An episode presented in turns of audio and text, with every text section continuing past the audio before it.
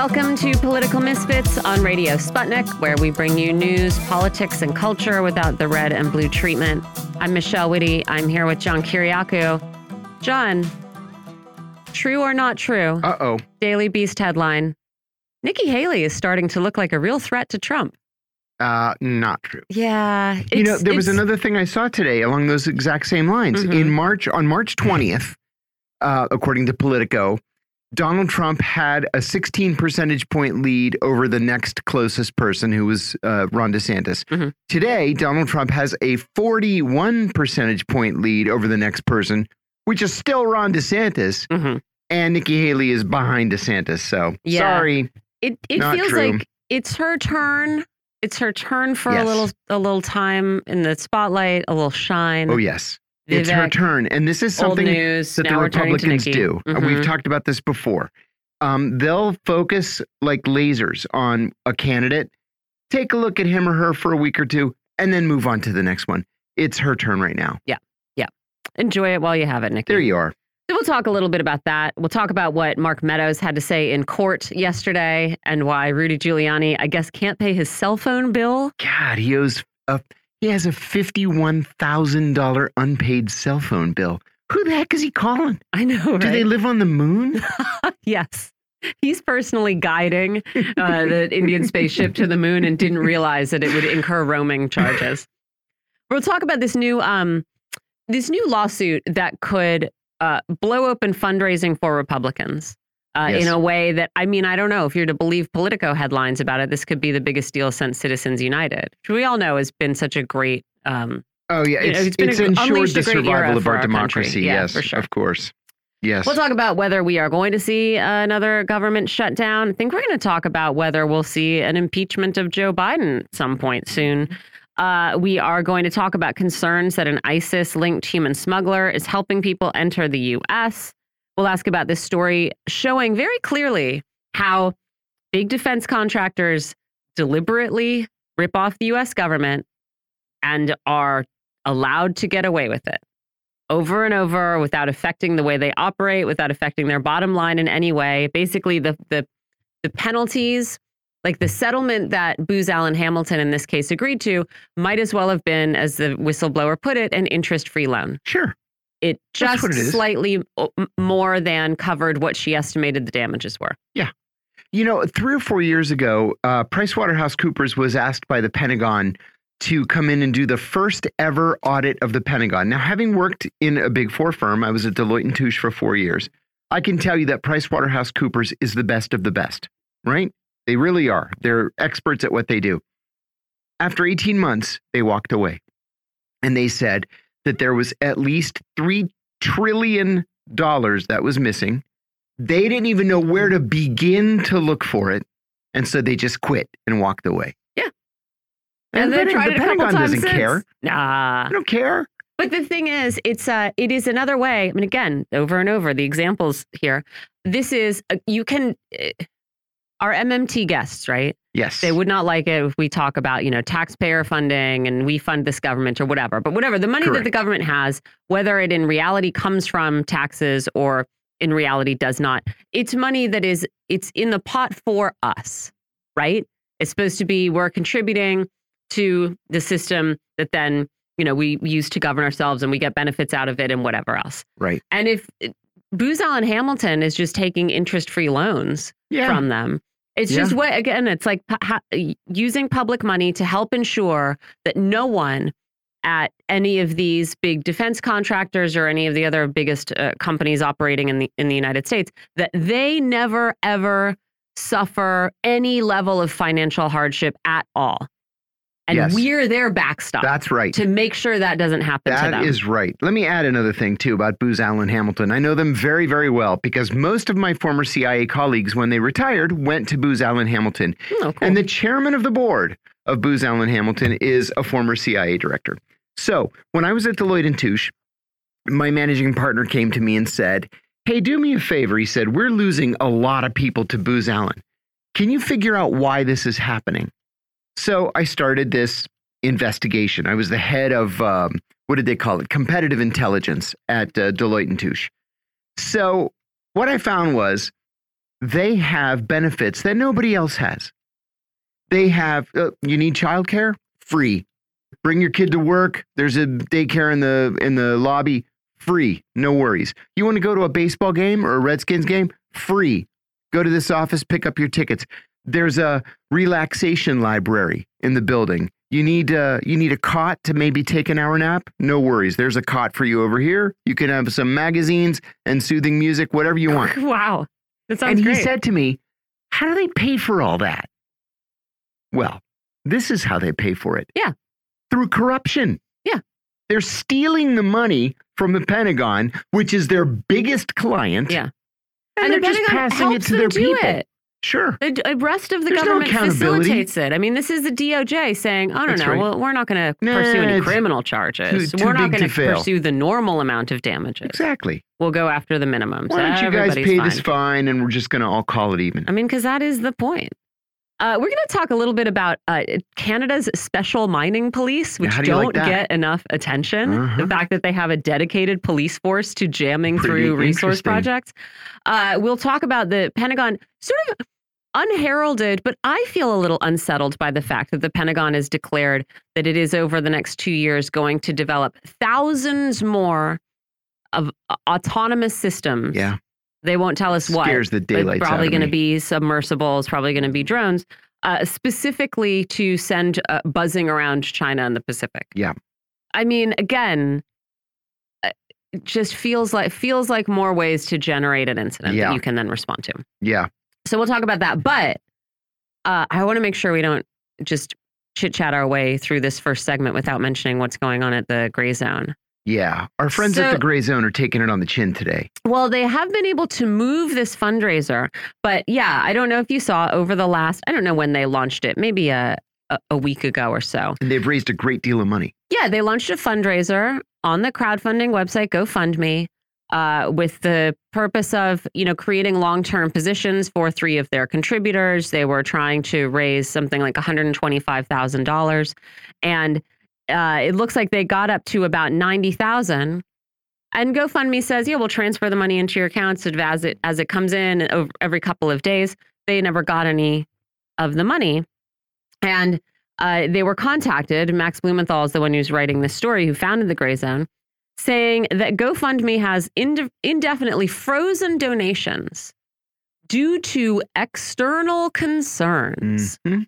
We And- don't like your politics. Really, like no one has said, at least again, I don't see anything from GoFundMe. I don't see a statement on it. Uh, Gray Zone is not reporting any statement on it. They're just saying that they got an email from a representative of the company saying, due to some external concerns, we need to review your fundraiser to make sure it complies with the terms of service. Keep in mind that our processes are followed to ensure your own safety. Oh, God, I hate that term. Yeah. Like And- cops always use it for your safety and mine. Put your hands behind your back. Oh, how does that make me safe? Yeah. And they're You're not the one saying with the gun. they they they won't transfer them to the gray zone. Right. It's not like they've automatically kicked them back to the fundraise the you know the donors yet. Right? So they're just sitting there Yeah. trapped Free money. While the you know GoFundMe decides whether it's going you know what kind of excuse it can draw out of a hat. Yep. To explain why this fundraiser can't be allowed. Sounds very much like PayPal. Yes. And I mean, this is something that has already been done to some individual contributors to the Gray Zone, right? Like Wyatt Reed had his uh, Venmo, Venmo and PayPal accounts frozen. Again, be, is it coincidence that this happened right after he went to the Donbass and did some Right. reporting that, uh, you know, Western media doesn't particularly want their audiences to hear? Right. It's just, it's shocking. It really is. I mean, we talked about this just very recently with Brad Birkenfeld, Yes. how um, banking institutions and these sort of crowdfunding sites are being used to apply political pressure, or at least, you know, they are being grabbed and throttled so that they can't be used by everybody. They can only be used by people who are fundraising for things that the the powers that be either approve of or don't find to be threatening. And I mean, you know, as Max sort of points out in this uh, in this story about it, you know, this uh, Kit Klarenberg, who is one of the the people that they he you know wanted to elevate to a longer term position, he was uh, detained in the UK yes. and interrogated for hours by police who took his electronics. and questioned him in a lot of detail about his political views and his reporting. So yeah, I mean it's really it's really shameful. It is shameful. And it follows, of course, uh, what PayPal did to Consortium News. That's right. They right. note also that, of course, that there was also the effort to ban Aaron Mate hmm from Twitter, which the FBI was happy to pass along from, uh, you know, Ukrainian intelligence straight to Twitter. Yep. The, a helping hand That's in censoring American journalists on an American social media platform. Yeah. So they've started a new fundraiser over at spotfund.com, which has come, you know, it hasn't caught up to the amount of money that was in that uh, original fundraiser. You Yeah, have to assume that the either original fundraiser, uh, the original money is being returned to the to the people who pledged it, and Max is asking that they go to Spot Fund, right? Is that the name of it? Yeah. Spot Fund and uh, and repledge. and they say they have a written pledge from the CEO that they'll be allowed to collect the money that people are donating. I mean, which is ridiculous, right? Now you have to go to the you have to go to the big boss and get him to personally promise you something. I mean, absolutely awful. it really is. It really is shameful, and people I think should be more concerned about this than than oh, they I think are. so.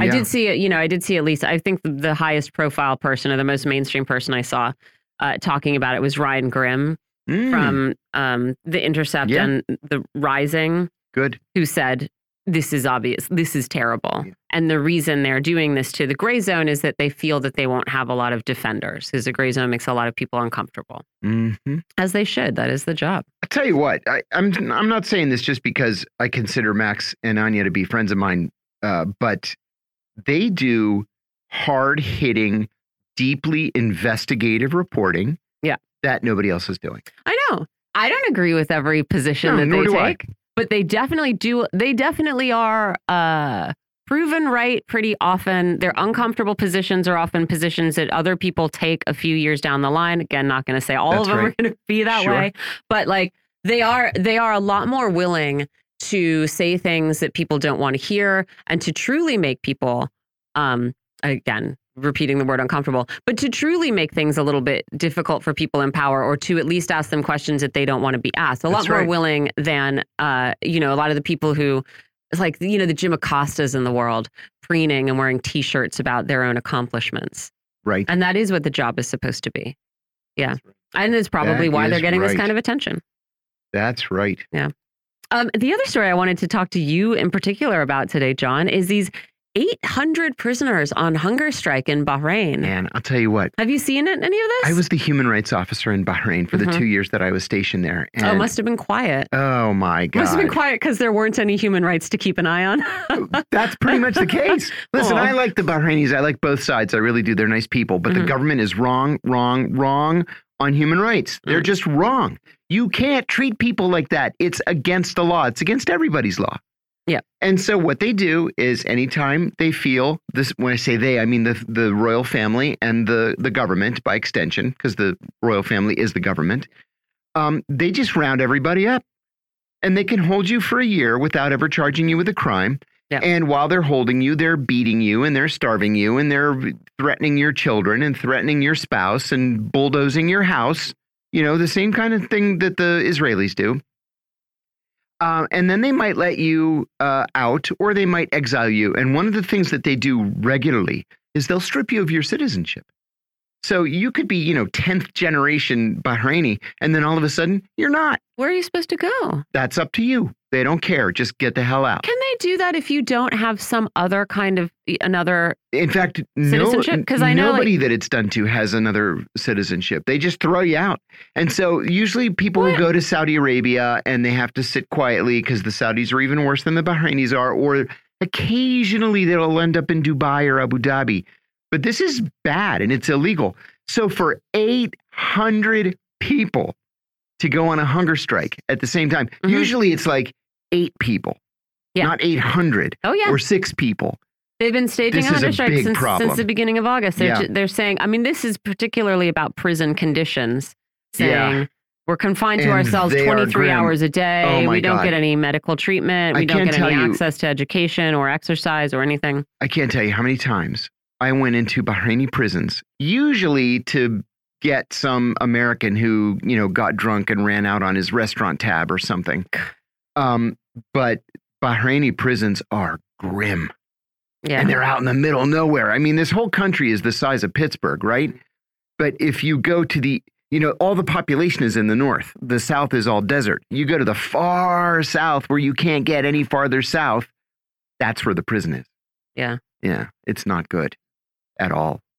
Well, Good luck to them. Yeah. I know we have our first guest on the line. You want to dive into it, John? Yes, I'd like to. Following last week's first Republican presidential debate, the field is beginning to take a clearer shape, as you mentioned a moment ago. Oh, But Nikki Haley well in the lead? Is that it? That's right. Yeah, cool. But according to Politico today, that shape is not really what most observers had expected. In March, I said this uh, a second ago, uh, former President Donald Trump led Florida Governor Ron DeSantis by 16 percentage points in the polls. Trump now leads DeSantis by 41 percentage points, and Republican commentators don't think that DeSantis helped himself in the debate. Instead, the consensus is, and we said this the day after the debate, the consensus is that former South Carolina Governor Nikki Haley came out as the event's winner, while Vivek Ramaswamy made a name for himself as a viable outsider, and former New Jersey Governor Chris Christie established himself as the anti Trump. Uh, nobody else really mattered in this debate. And as things stand now, neither former Arkansas Governor Asa Hutchinson nor North Dakota Governor Doug Burgum will qualify for the next debate, which is going to be held at the end of September. The National Republican Senatorial Committee and the National Republican Congressional Committee last year filed a lawsuit as an extension of the Citizens United case that, if they win, would remove virtually all controls on fundraising and expenditures for House and Senate campaign spending. Politico says today that Republicans are salivating at the thought of winning this case, as their congressional fundraising already dwarfs the congressional fundraising of Democrats. The way it would work is that candidates would no longer have to abide by federal caps on small donations. Instead, PACs and super PACs could spend freely in unlimited amounts. With Citizens United already on the books for 13 years now, it seems like this is going to be an easy win for Republicans. We told you last week and again yesterday about the possibility of a government shutdown at the end of September. House Democrats and both Democrats and Republicans in the Senate are seeking what's called a clean continuing resolution. Clean meaning no amendments, no attachments. Uh, that would keep the government running until a budget can be agreed upon. But members of the far right House Freedom Caucus are saying, no way. Yesterday, they announced their demands finally. First, there will be no clean bill in the House. Second, the Freedom Caucus will attach a sweeping immigration bill that already has been killed in the Senate. Third, the Biden administration must end what the Republicans are calling, what the Freedom Caucus is calling the Pentagon's woke policies. I'm not exactly sure what they mean. And finally, the FBI must stop its quote weaponized investigations of Republicans. So good luck to them. You might recall also that Ambassador Rob Malley, the State Department's special envoy for Iran, had his security clearance suspended several months ago and is not permitted to step foot inside the State Department. It turns out that all of the original reporting on this issue came not from the Washington Post or the New York Times or Politico, but instead from the Tehran Times. That is an official outlet of the Iranian government. Members of Congress are outraged that yesterday the Tehran Times published what appears to be an original memo that is controlled at the sensitive but unclassified level, SBU. It came out of the State Department. The formatting is correct. I looked at it myself. It's it's the real McCoy. Okay. The formatting is correct. And now Congress wants to know how on God's green earth the Iranian government got a copy of this memo.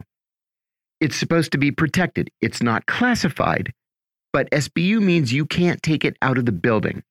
So they're saying could be a leak, but maybe it's not a leak. Maybe it's a hack. Mm, oh, okay. Well, it's it's not a hack. It's not a hack. The Iranians would have released thousands or millions of pages of documents if it had been a hack. Somebody is outraged at the way that Malley is being treated. and they released it. A small congressional delegation made an unannounced trip to Syria over the weekend. Congressional visits, of course, are not unusual. They're called CODELs, congressional delegations. But what is unusual is when those members of Congress go to war zones in countries where the United States has no diplomatic representation and where U.S. troops are present in violation of international law. And finally, it seems that the Michigan Republican Party is in a state of disarray, and the situation can be laid at the feet of Donald Trump. Trump's allegations that Michigan was stolen from him in 2020 led to a group of Republican Party officials there taking extreme views. Those extreme views have led not only to criminal charges against many of the sitting Republican officials in the state, but it also led to a split between MAGA Republicans and mainstream Republicans. And Democrats in Michigan, of course, are united and enjoying the show.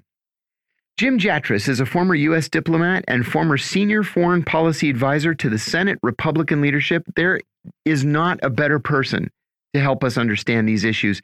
Jim, welcome back. Thanks for joining us.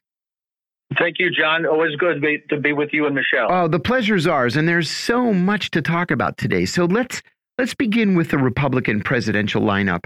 The Republican debate last week did exactly what it was meant to do.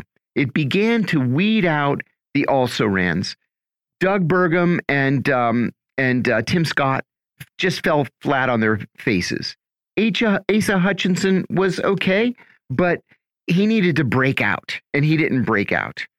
But Nikki Haley and Vivek Ramaswamy were the stars of the show. How do you think the debate changed the way people see these candidates? And with participation rules tightened for the next debate, likely keeping Burgum and Hutchinson out, what do you think that'll do?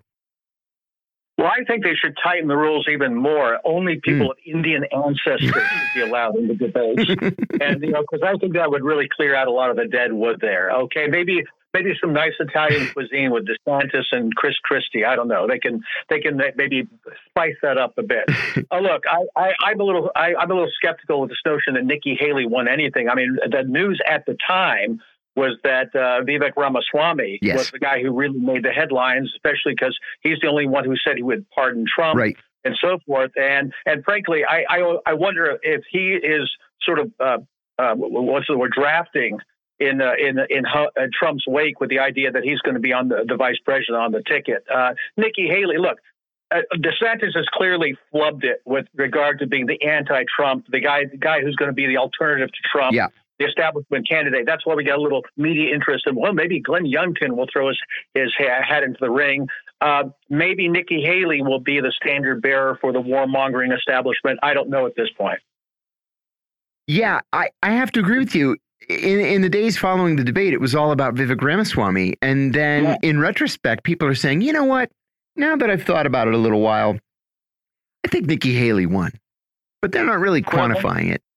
Well, maybe they found some, uh, some boxes of Nikki Haley ballots under a desk somewhere, and that, that that put her over the top. It's the it's the blue shift on the Republican side. We're going to talk to Bruce Fein in the next hour about about these different uh, lawsuits that are taking place, lawsuits and and criminal uh, uh, trials that are taking place. Uh, but really, what it all comes down to is, um, do any of these Republican candidates matter, or even in the midst of all of these legal problems, is Donald Trump still going to be the Republican nominee? Well, well, first I'll give Bruce my regards. Secondly, oh, I absolutely yes, will. In my opinion, absolutely, he is going to be the Republican nominee. And uh, and the uh, the question again is, will he be on the ballot in the states he needs to be on, which is the si simplest way to sink him in November, uh, or uh, can he even try to win from a jail cell? I don't know. I don't know how quickly they can actually bring these cases to trial. Right. In principle, they would like to get them done before the election so that he is he is a convicted felon, and that at that point they can say, "I'm sorry, we can't put him on the ballot in Pennsylvania." That that's you know that's game set and match right there. You know, in fact, I'm glad you raised that. I, I I didn't have it in the questions that I wrote down for you, but I'm glad you raised that because there's a piece today at the Hill talking about uh, efforts in New Hampshire to keep him off the ballot. Now he likely will be on the ballot in New Hampshire, but Democrats in Ohio are looking at trying to do the same thing because Ohio has changed over the last 10 years and it's become a, a pretty reliable Republican state. And they're saying, you know, well, you know the old saying that no no Republican has ever won the mm-hmm. election without winning Ohio. And if Trump's not on the ballot in Ohio, which is still a populous state with lots of electoral votes, then Joe Biden can be pretty sure of of winning the election. So it, is this going to be a strategy for the Democrats? You think of of just trying to to sue Donald Trump and keep him off the ballot state by state? Sure, absolutely. And, and, look, remember, the decision on this is going to be made by the, the, the the state authorities, the governor, the attorney general, possibly the Supreme Court in that state. And and in some of these, especially like Pennsylvania, they're highly partisan. Yeah. And you know that was what was an issue in 2020 about whether they could impose uh, election procedures that were not approved by the state legislation. Of course, the legislature dropped its constitutional responsibilities and just just dropped the issue when it was clear that they had been circumvented. Yeah, yeah.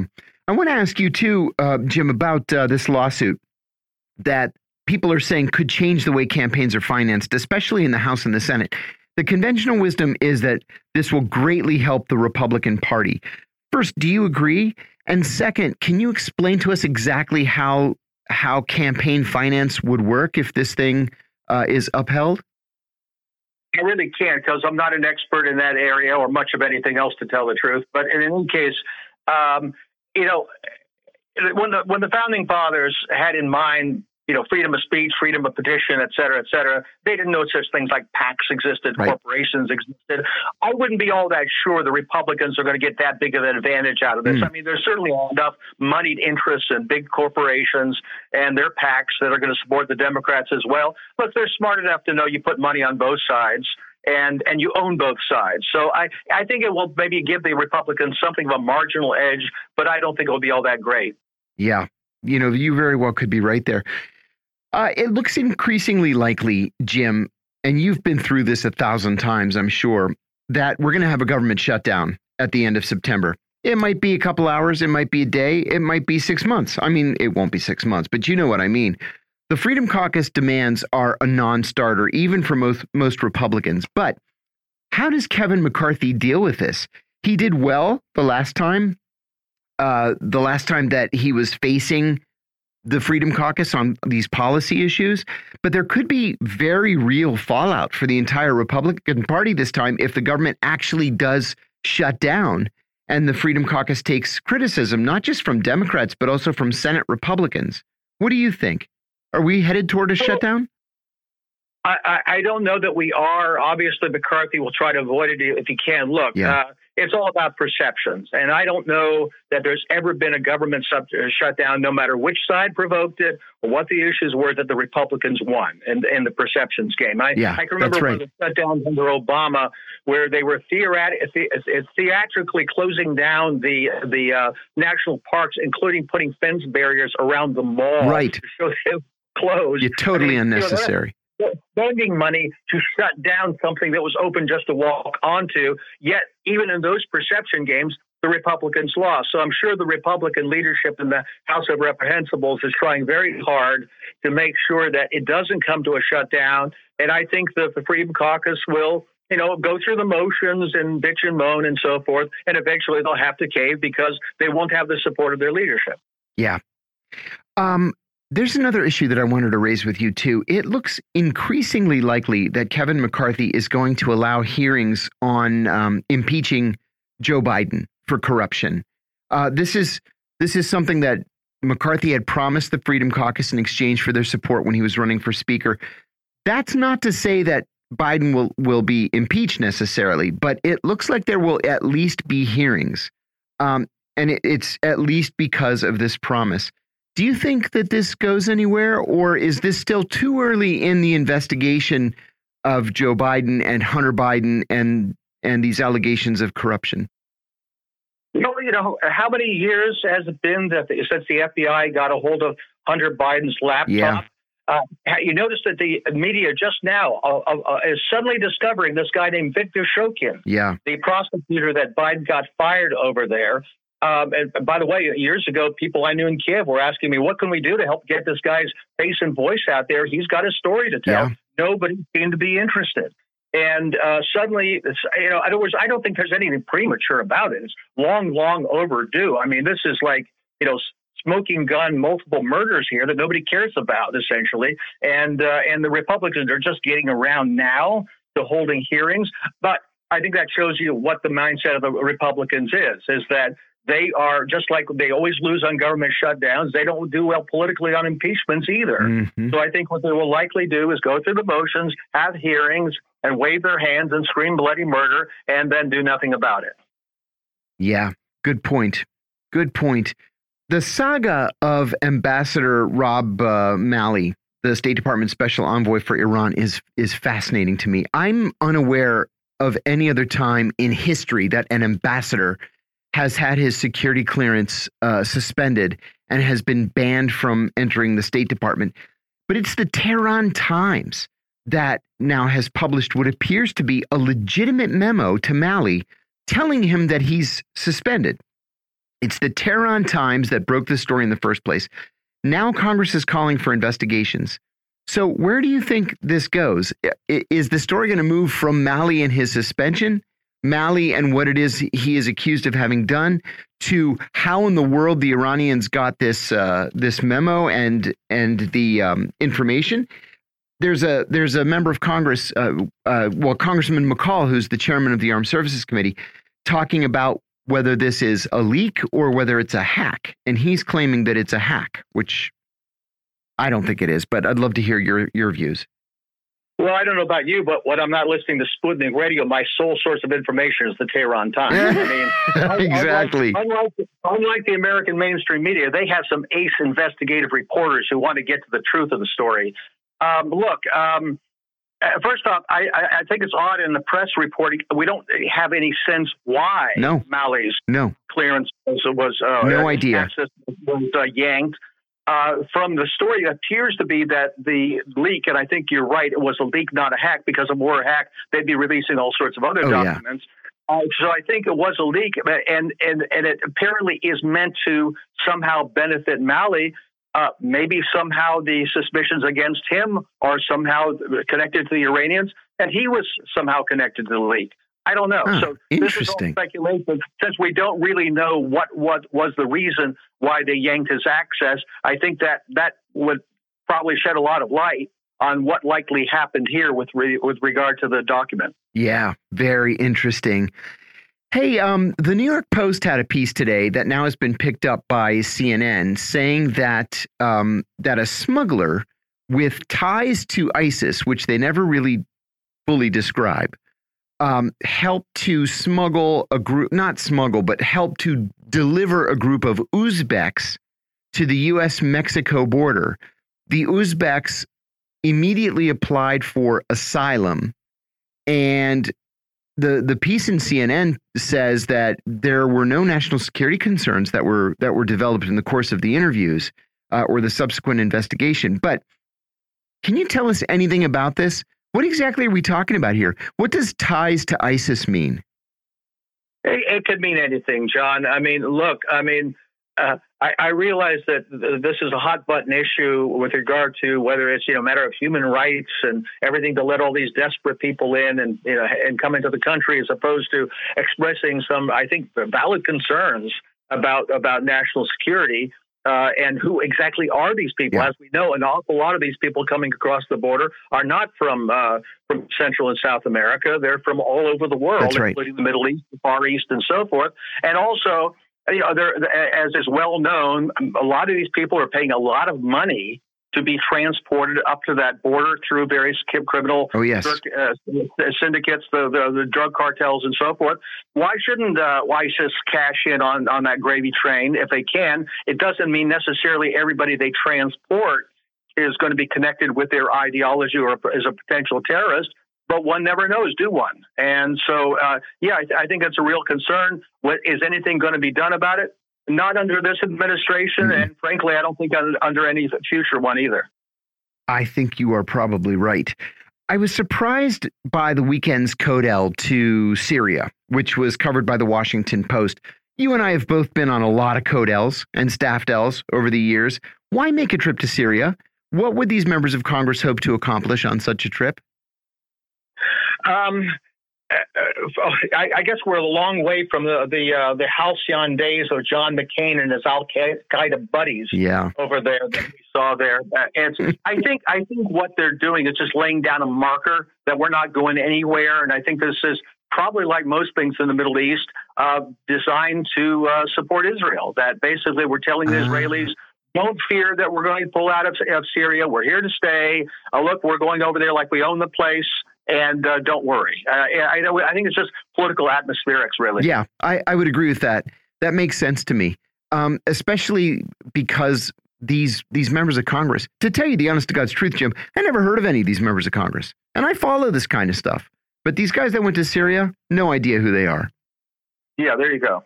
So, Jim, finally, uh, tell us what's happening in the Michigan Republican Party. This is not getting much play in the mainstream media, but it seems to be split right down the middle between pro Trump and anti Trump Republicans, with the pro Trump people being prosecuted while this is all going on. How do you think Republicans recover from something like this? I don't know that they can. I think the split is really is really down the middle. Of the Republican Party uh, uh, uh, you know, maybe not down the middle. I think the bulk of the voters are on the Trump side, and then the bulk of the leadership is on the other side. But in some places like Michigan, even the office holders and party officials might be split pretty evenly. Look, I, in your in your lead up, you said something about extreme views of these people. I don't think there's anything extreme about it. They had legitimate reasons to say that there were irregularities in the election in uh, in Michigan mm-hmm. and filed papers to that effect and now this very, very partisan attorney general, what's her name, Dana Nessel, yes. is, is, is accusing them of felonies for disputing an election on procedural grounds. Right. Now that's you know that's that's that's essentially criminalizing dissent. Yes. Criminalizing a political disagreement. That is really, I think, the direction our country is going to uh, towards, and and I don't think anything can be, done about it. It's not just a split in the Republican Party, it's a split in this country that isn't going to get healed. It's bad for the whole country. Jim Jatras, thank you so much for joining us. I always enjoy when Jim's with us. He's a former U.S. diplomat and former senior foreign policy advisor to the Senate Republican leadership. You're listening to Political Misfits on Radio Sputnik. We'll take a short break and come right back.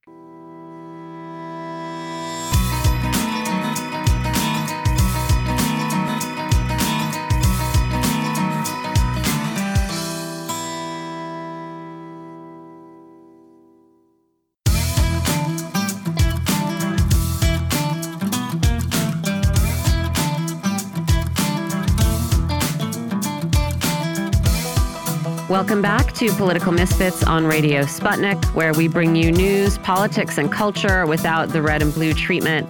I'm Michelle Witte. I am here with John Kiriakou.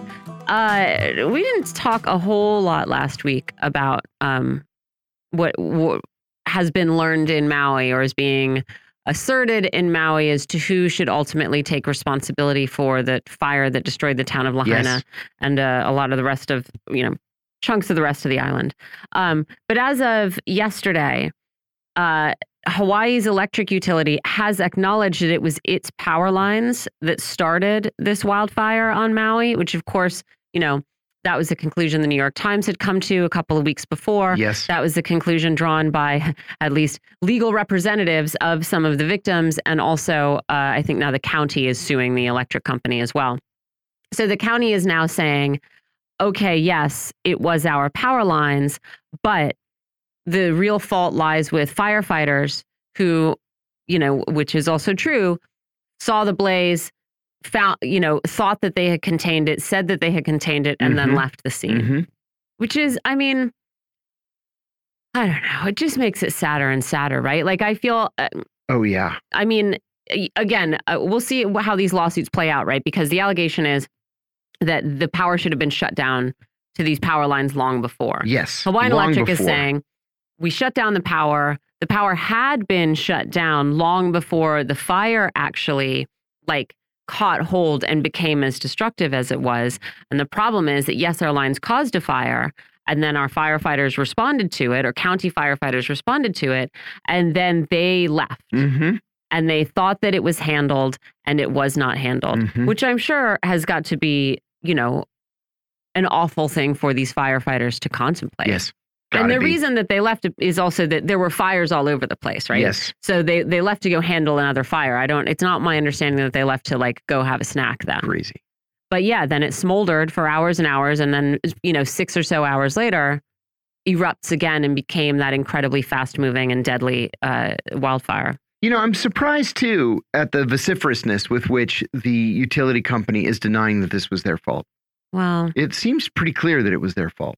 I mean, I mean, uh, killed a lot of people. it, it killed a lot of people.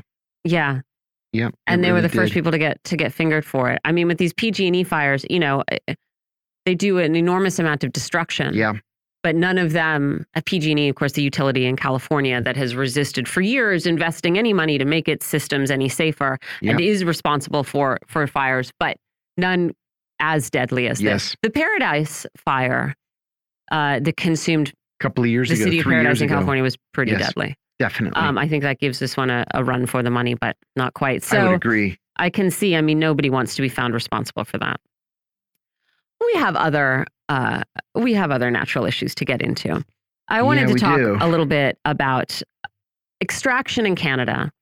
The special police force that was created a few years ago to deal with pipeline and other protests, which is wild. It's crazy to me that this doesn't get a little more attention. But again, Canada just exists in this sort of protective force field of a, a perception of niceness. Yes. And so then they get to go nicely mine all over the world and Right. Leave messes behind and nicely Nuts. surveil protesters and and arrest them and you know Mhm. a- attack them with great violence and very nicely try to override the wishes of any country that wants to slightly alter their trade relationship so that it can be slightly less exploitative. And then it's just like oh eh, Canada's doing it nicely eh? It is such garbage man. So we're going to talk about this with Yves Engler. He's an author and an activist based in our neighbor to the north. Thanks for joining us Yves Oh, I wonder if Yves Uh-oh. is muted.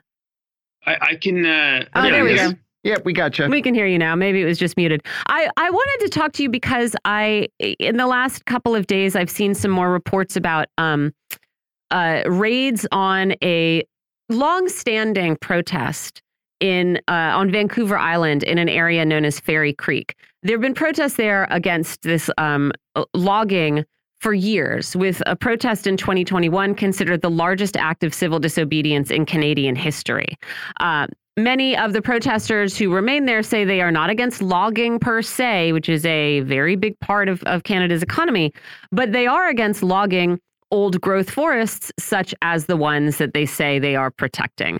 And so while um, sort of action and publicity in the area seems to have died down uh, in the last year or so, there was just another raid resulting in the arrest of protesters. And I wonder if you could update us on what what has been going on at Fairy Creek and what what has been accomplished there and what hasn't. Well, I think they've they've, as you mentioned, is massive uh, civil disobedience uh, went on for months and months and months, um, and uh, um, they were able to get some small victories in terms of the provincial government. And we, we should mention it's an NDP government, so it's a the, you know the social democratic left wing government uh, made uh, made some uh, concessions, but there is lots of uh, tensions both within the uh, sort of pro uh, labor uh, segment of the NDP, the provincial government, and also some indigenous uh, uh, communities that actually back uh, the logging. Mhm. Uh, but there's so there's divisions both within the First Nations and uh, and I guess within maybe the broader progressive movement. Um, but it but it took huge. I mean, a couple multiple thousands of people arrested. Uh, just you know, incredible uh, uh, even you know sort of resources put into it by outside environmental groups to pressure the government um, to uh, uh, to uh, concede. And I think that the the big picture is that people understand that if we let if we let the forces of of uh, corporate power um, do what they want, they will you know literally uh, destroy the capacity for uh, for hu- human uh, civilization to uh, uh, to continue on. So the the Fairy Creek. Um, protests and that I think the, the fact that people were willing to go to such great lengths uh, was not just that they they they obviously these are you know incredibly important uh, old growth trees, hundreds and hundreds of years old, but also that it's a bigger the bigger context of of just um, we we we have to stop this uh, this corporate extractivist uh, uh, ecologically damaging uh, machine. Mm-hmm. Can you talk also about the latest uh, Defenders of the Machine, which is this special police force, a special sort of volunteer division within the uh, RCMP called the CIRG, the Community Industry Response Group? And the, the Royal Canadian Mounted Police say the group was founded in 2017 to provide strategic oversight addressing energy industry incidents and related public order, national security, and crime issues. It also says that they are in the business of facilitating peaceful resolutions to these conflicts and that they proactively engage all stakeholders through open communication and meaningful dialogue which I was surprised to read because just since they were established in 2017, uh, they have garnered something like hundreds of individual complaints against them for abuses like excessive violence, illegal surveillance of law abiding groups, illegally blocking media from covering their raids and and other violations. I mean, so many that the Canadian government has again in in only what six years already opened a probe into their tactics and operations. And so, can you talk to us just about who are these pipeline police? And what does it say that Canada has a special unit to help jam through extraction projects that the public opposes? Well, it says that the the Canadian government and the Canadian state is uh, is works hand in hand with with uh, uh, forces of extractivism, forces of uh, you know pipeline uh, expansion, and um, and uh, it also says that there's there are you know committed activist movements who are you know trying to oppose crazy ecocidal projects like the um, the Trans Mountain uh, pipeline to bring uh, uh, tar sands oil from uh, mostly northern Alberta or uh, off to the coast in, in BC uh, to be shipped to, to, to, global markets.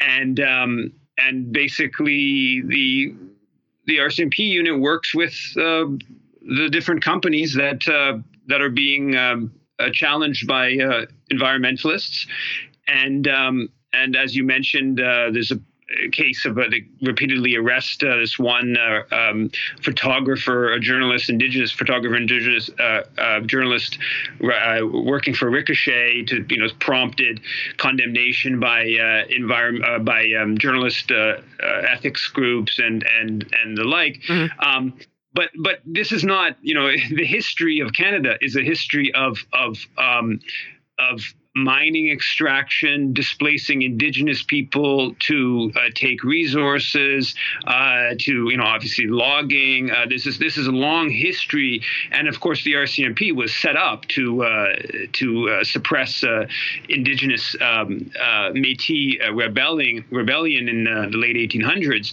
Um, so so the RCMP is is a force of of you know alignment with the colonial structure structure. And and this is, I think, just a particularly uh, egregious example of of um, of uh, sort of modernizing the uh, the the needs of uh, of uh, corporate Canada um, against the interests of both environmentalist and indigenous um, land defenders. Yeah, I mean, where is the where is the government delegation sent to the other side to protect the rights of the the you know the the voting public and the people who are you know engaging in these protests, whether they're indigenous people or environmental activists or on, on you know treaty land or unceded land. It's like yeah, oh of course of course we're going to have a special delegation to protect the interests of industry. It's it, I can't believe the pass that Canada gets. I also wanted to talk about um, you know what what Canada is engaged in overseas and how quickly uh, what seems to be a well meaning effort to create an oversight body of Canada's many um, business and, in particular, sort of mining projects overseas, how quickly that was twisted to facilitate uh, Washington D.C.'s latest geopolitical folly. This is something that I know you were you were writing about very recently. So there's um, a new Canadian ombudsperson for responsible enterprise that I believe was launched in 2019. And the idea was that it was going to keep an eye on all those Canadian gold mines, you know, in, in Kyrgyzstan or in uh, Brazil or in Argentina or all these other places where it's extracting minerals. Um, that, I guess, was the idea. Can you tell us what happened instead with the Canadian Ombudsperson for Responsible Enterprise? Yeah, so basically, Canada is the hub of global mining extraction. Half of the world's mining companies are listed in Canada, uh, despite being less than 0.5% of the world's population. And those companies have been well documented for decades and decades, committing abuses, uh, ecological abuses, you know, killing uh, mine opponents. Uh, there's just literally an example in pretty much every every country of the global south of a Canadian company uh, running roughshod, and and um, so for a couple decades now, there's been movements calling for a restriction on public support for companies engaged in abuses abroad. So the Canadian government, uh, Trade Commission, through the aid agency, through diplomats, back up these mining companies. Uh, often ones that are you know doing really terrible things abroad. So so there's been this push to to restrict public support for mining companies found to be involved in abuses abroad, and the Trudeau government, before being elected, uh, promised that they would uh, adopt legislation around having a, a, Syria, a, a genuine ombudsperson to to oversight these companies and and and uh, have the capacity to, if they found a company engaged in abuses, that they would lose their uh, different forms of uh, public support. Mm-hmm. And basically, that the Trudeau government morphed that into something much broader, where it was just sort of like corporate bad corporate behavior abroad, or extended it beyond mining into extractive more, and then they brought in they brought in um, um, uh, like uh, sweatshops and uh, that that kind of that kind of world, um, which diluted the politics of the real issue, which is this this Canadian mining behemoth uh, globally. Now what what and, and so basically set up an ombudsperson with with almost no power. Mm-hmm. Um, uh, and but but so so basically the groups that push for the ombudsperson have just withdrawn and said this is a kind of a joke process. We don't we don't see it as legitimate. Um, and and so what stepped in is this whole uh, milieu of of uh, of uh, very establishment Uyghur rights kind of uh, uh, organizations who have now brought in all these complaints about like Nike's operations in uh, in the Xinjiang region of of, of China, uh, Ralph Lauren, and they brought all these complaints to the ombudsperson. Uh, and there's really like there's, there's often very tangential Canadian connection to to these complaints. They say there's some sourced uh, uh, cotton from uh, from from Xinjiang, which they say is you know forced labor, and basically they've used this this ombudsperson um, to basically just feed this this this anti-China. Uh, let's uh, sanction China. Uh, let's um, specifically let's have you know nothing to do with uh, with Xinjiang um, uh, province and and and so it's just become what again was a, a, a movement for a controlling of this very abusive global Canadian mining behemoth has become a tool to uh, uh, fit into Washington's bid to uh, to contain uh, uh, China's um, China's rise. Because we all know, of course, the only uh, country that ever commits abuses in extracting minerals or uh, employing people is China, right? So, yeah, Canada looked around, didn't find anything, and went, oh, well, we, we got this budget. Guess we'll just throw it at China again. Uh, before we let you go, this is another sort of pet topic of mine. Uh, you were writing about Canada joining an EU lawsuit through the WTO to try to prevent Indonesia from changing the terms of how nickel and bauxite are exported from that country, which is, you know, thematically related and something that I think does not get covered enough how rich countries gang up to ensure that poor countries remain locked into uh, trade conditions that, you know, uh, hinder the development of, of these poorer countries, in this case Indonesia, and uh, and mostly benefit the rich companies. And and so I wonder if you could talk to us a little bit about what Canada and the EU are trying to stop Indonesia from doing. Yeah, basically Indonesia following very sensible uh, nationalistic uh, economic policy. Uh, it's you know biggest nickel producer, and so it wants to um, get more value added uh, uh from its its resource uh, domestically, and so it brought in restrictions on nickel exports and uh, other commodities, bauxite. Um, and um, and it's been a huge success. This led to huge investments in Indonesia. I think pr- principally from uh, from Chinese uh, companies willing to to do more of the uh, uh processing uh, in country, and the, the, EU has gone after Indonesia for doing this, and Canada has joined joined in this process. And uh, alongside this, the Canadian government and Indonesia put forward a, a, proposal for a sort of a nickel producers uh, accord, and Canada's a, I think the sixth, fifth or sixth biggest nickel producer in the world, and so reached out to Canada to join uh, an effort to you know stabilize the price and also uh, increase the price. So, in principle, it's something that would be good for Canada as a, as a fairly significant nickel uh, producer. But the Canadian government doesn't support this. And it, it basically doesn't support this because it benefits um, from this open, uh, uh liberalized uh, resource extraction uh, world mm-hmm. um, where Canadian companies are huge players all around the world. And, and so they don't, they, you know, basically Canada's at the center of, of, of global capitalism and they don't want the countries that are uh, at the periphery to follow, you know, sensible economic policies to to to uh, to catch up uh, to Canada and you know and, and, other countries. So so yeah, you're you're exactly right. They use the rules, and that's a big part of what the WTO you know and other the rules based you know, international order to benefit the uh, the most uh, powerful and, and economically advanced already. It's such a it's just so shameful, right? And again, the idea that we are sold, at least in the West, I think people elsewhere see through it, is that no, no, no, these institutions are designed to make sure everything is fair. When in fact, they're designed to protect the interest of the countries that are already wealthy and have gotten wealthy by uh, exploiting these, you know, colonial relationships and now have set up these uh, these trade and financial entities to ensure that the ongoing relationships are essentially neo-colonial and they often pursued these exact type of policies. Canada, the U.S. Uh, pursued protectionist policies for their own uh, industrialization. Right, that's mm-hmm. the you know famous kicking away the ladder that the um, that South Korean economist wrote, where where they they follow these these policies to get to you know develop, and then once uh, once they've developed, they don't want the other countries below to follow the exact same policies, and they yeah uh, they undermine it through things like the WTO. Yep.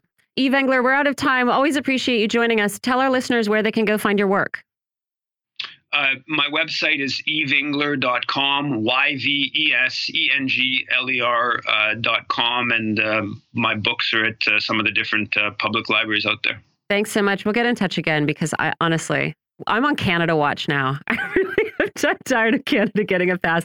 Thank you so much, Yves Engler. We're going to take a quick break here. We're going to come back and talk about, uh, I mean, more stories of corruption at the Pentagon than you can shake a stick at. We're going to talk about what Mark Meadows had to say, Rudy Giuliani's latest uh, woes. Coming up here on Political Misfits, we're on Radio Sputnik. We're live in DC. We'll be right back.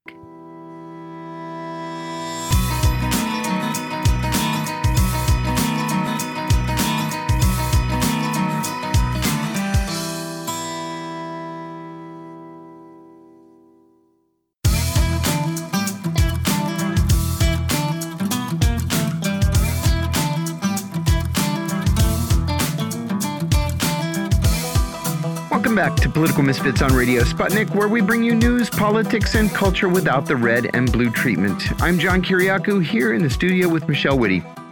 Former White House Chief of Staff Mark Meadows testified in open court in Atlanta yesterday over the course of four hours as part of a suit to remove his case from state court to federal court. Meadows has been charged with 19 felonies as part of former President Donald Trump's alleged efforts to overturn the 2020 election in Georgia.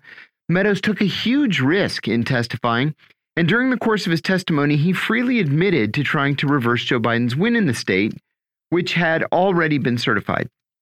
But Meadows' defense was that he was acting as a White House official at the time who had a deep concern for the integrity of the election.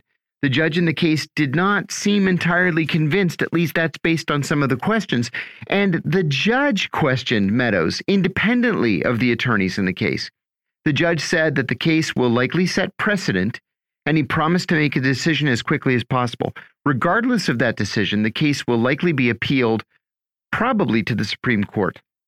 Meanwhile, in Washington, Donald Trump's federal trial on charges of trying to overturn the 2020 uh, election is now scheduled for March 4th, 2024, which would put it in the middle of the Republican primary season. And actually, March 4th is one day before Super Tuesday, when more than a dozen states will hold primaries or caucuses.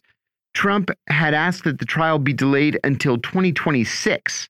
Judge, Ch Judge Tanya Chutkan said that the that Trump would be treated like any other criminal defendant and that nobody had ever asked her to delay a trial for 3 years just because it wasn't convenient for his schedule.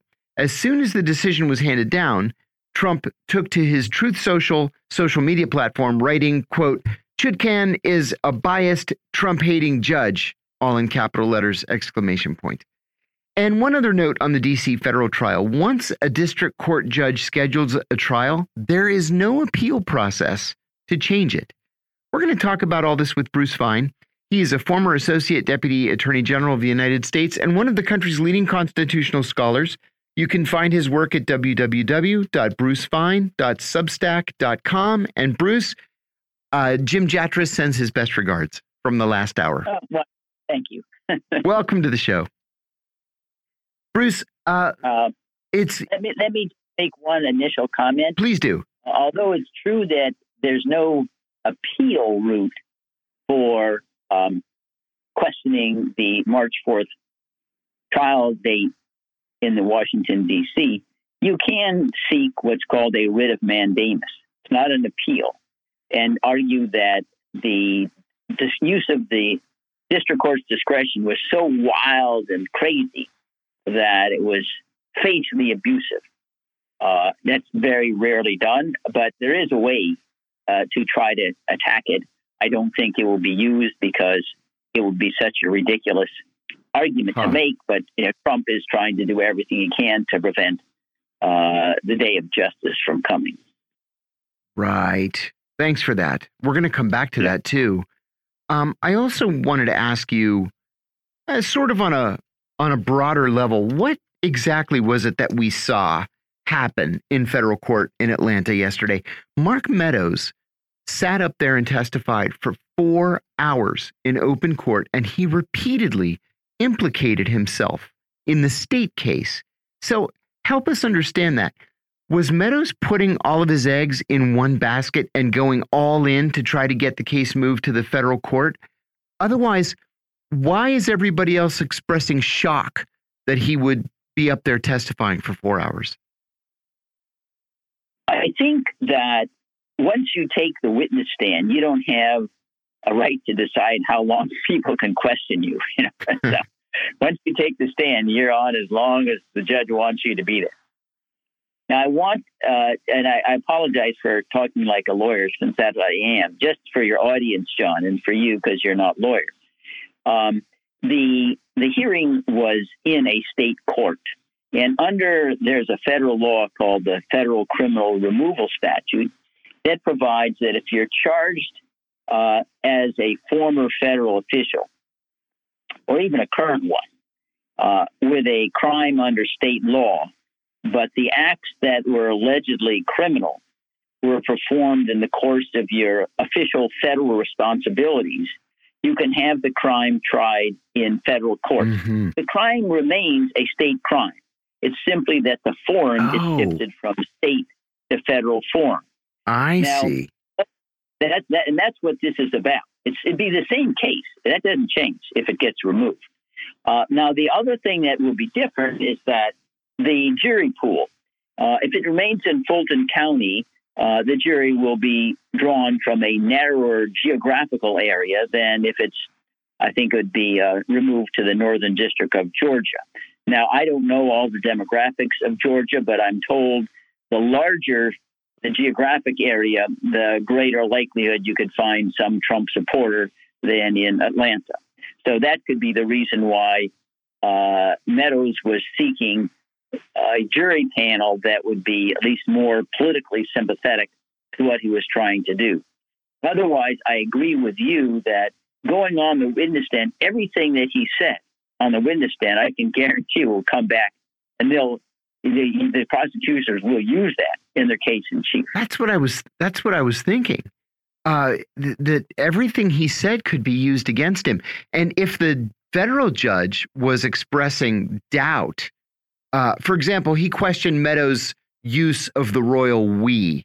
We believed this. We wanted that, and he said, "Who are you talking about when you say we?" And he said, "I'm talking about the campaign." And the judge said, But you weren't a part of the campaign. You were the White House chief of staff. And he said, Well, when I say we, he said, It's a bad habit I have. I say we, and I, I mean we to mean a lot of different things. And I thought, wow, that is really not convincing.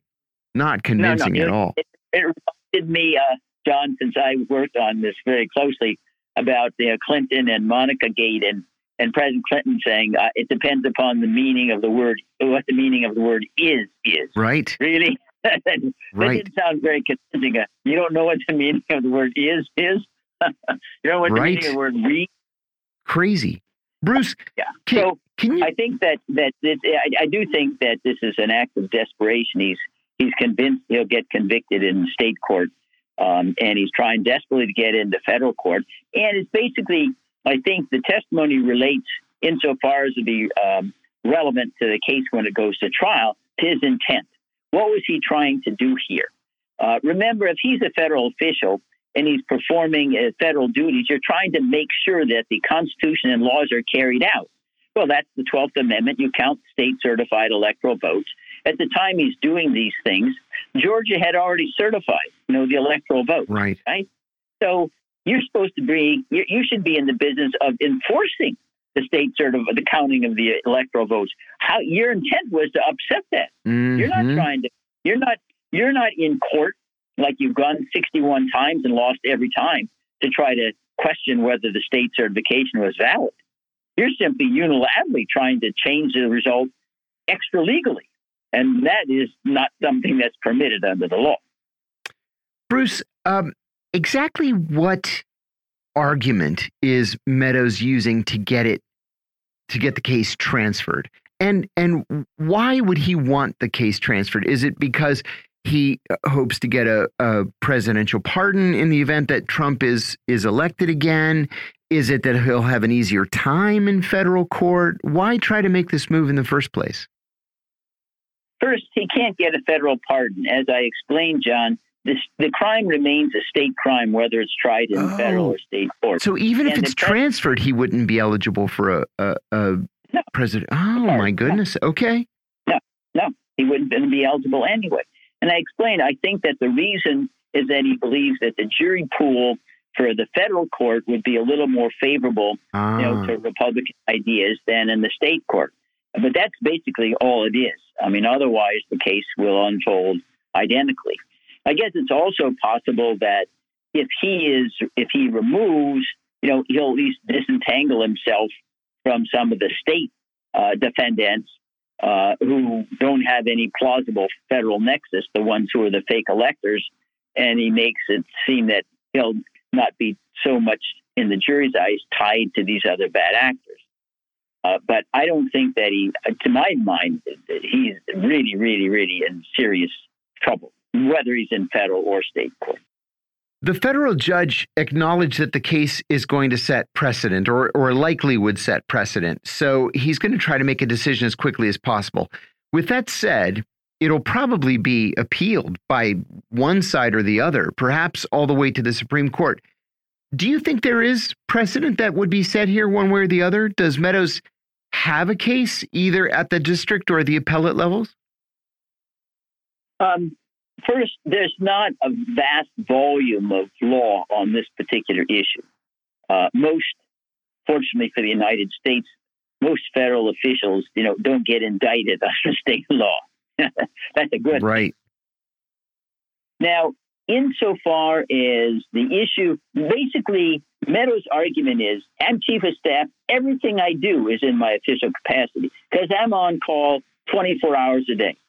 I'm never, I'm never outside that official role. That's the gist of what he's saying. Now that is really, and, and that certainly that that argument has been made in lower courts and failed.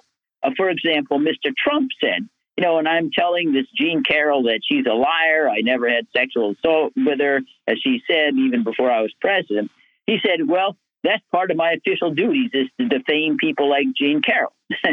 well, that's what he argued, but this was in a civil context. And the court said, no, that isn't part of your, that's not a presidential responsibility. Um, and so there, the law out there is no, just because, and even the president's statement and theory was the same one as Mark Meadows. Hey, when you're at that level of federal government, you're on duty 24 hours a day. Everything you do, by definition, is within your federal capacity.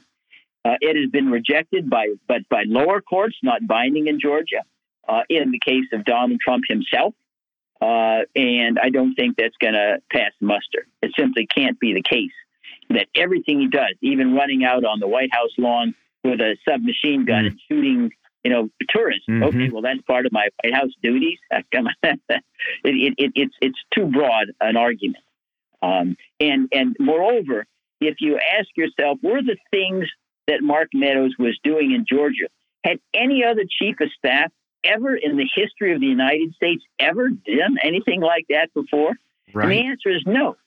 So it looks like, well, wait a minute. Now, if this was something that's kind of common, you know, the chiefs of staff do, there'd at least be one former chief of staff that did something like this. Mm-hmm. And then, no, nothing even close to this ever has happened. There was quite a long article in the New York Times today saying that Rudy Giuliani is broke.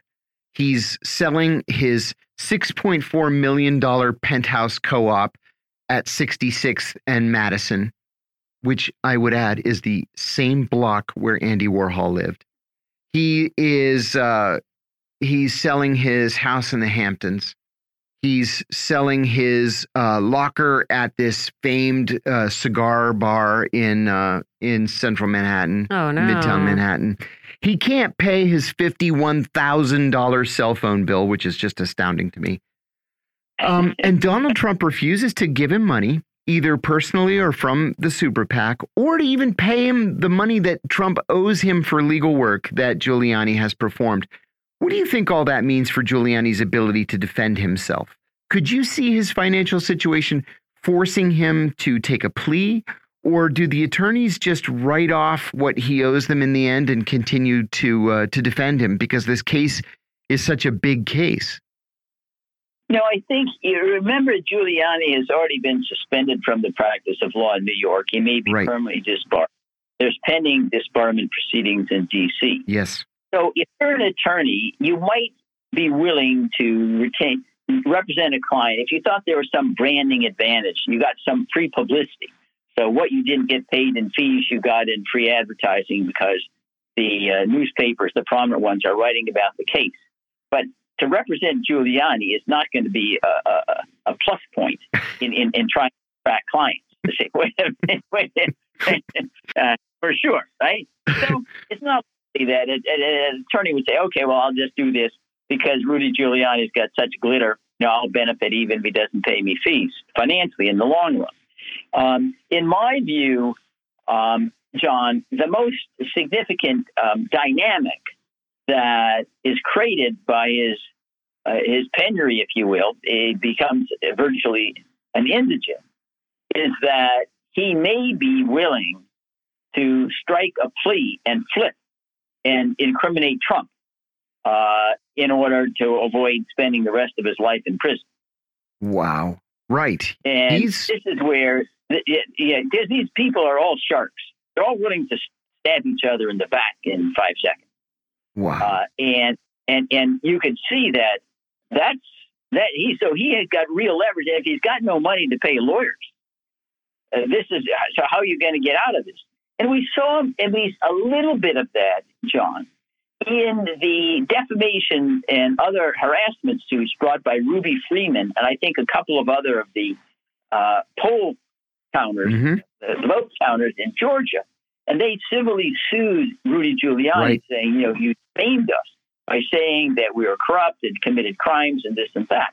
And he went ahead and he stipulated that yeah, these were these were false statements, the fact, because that was a way in which he could diminish the amount of outstanding legal issues to be litigated.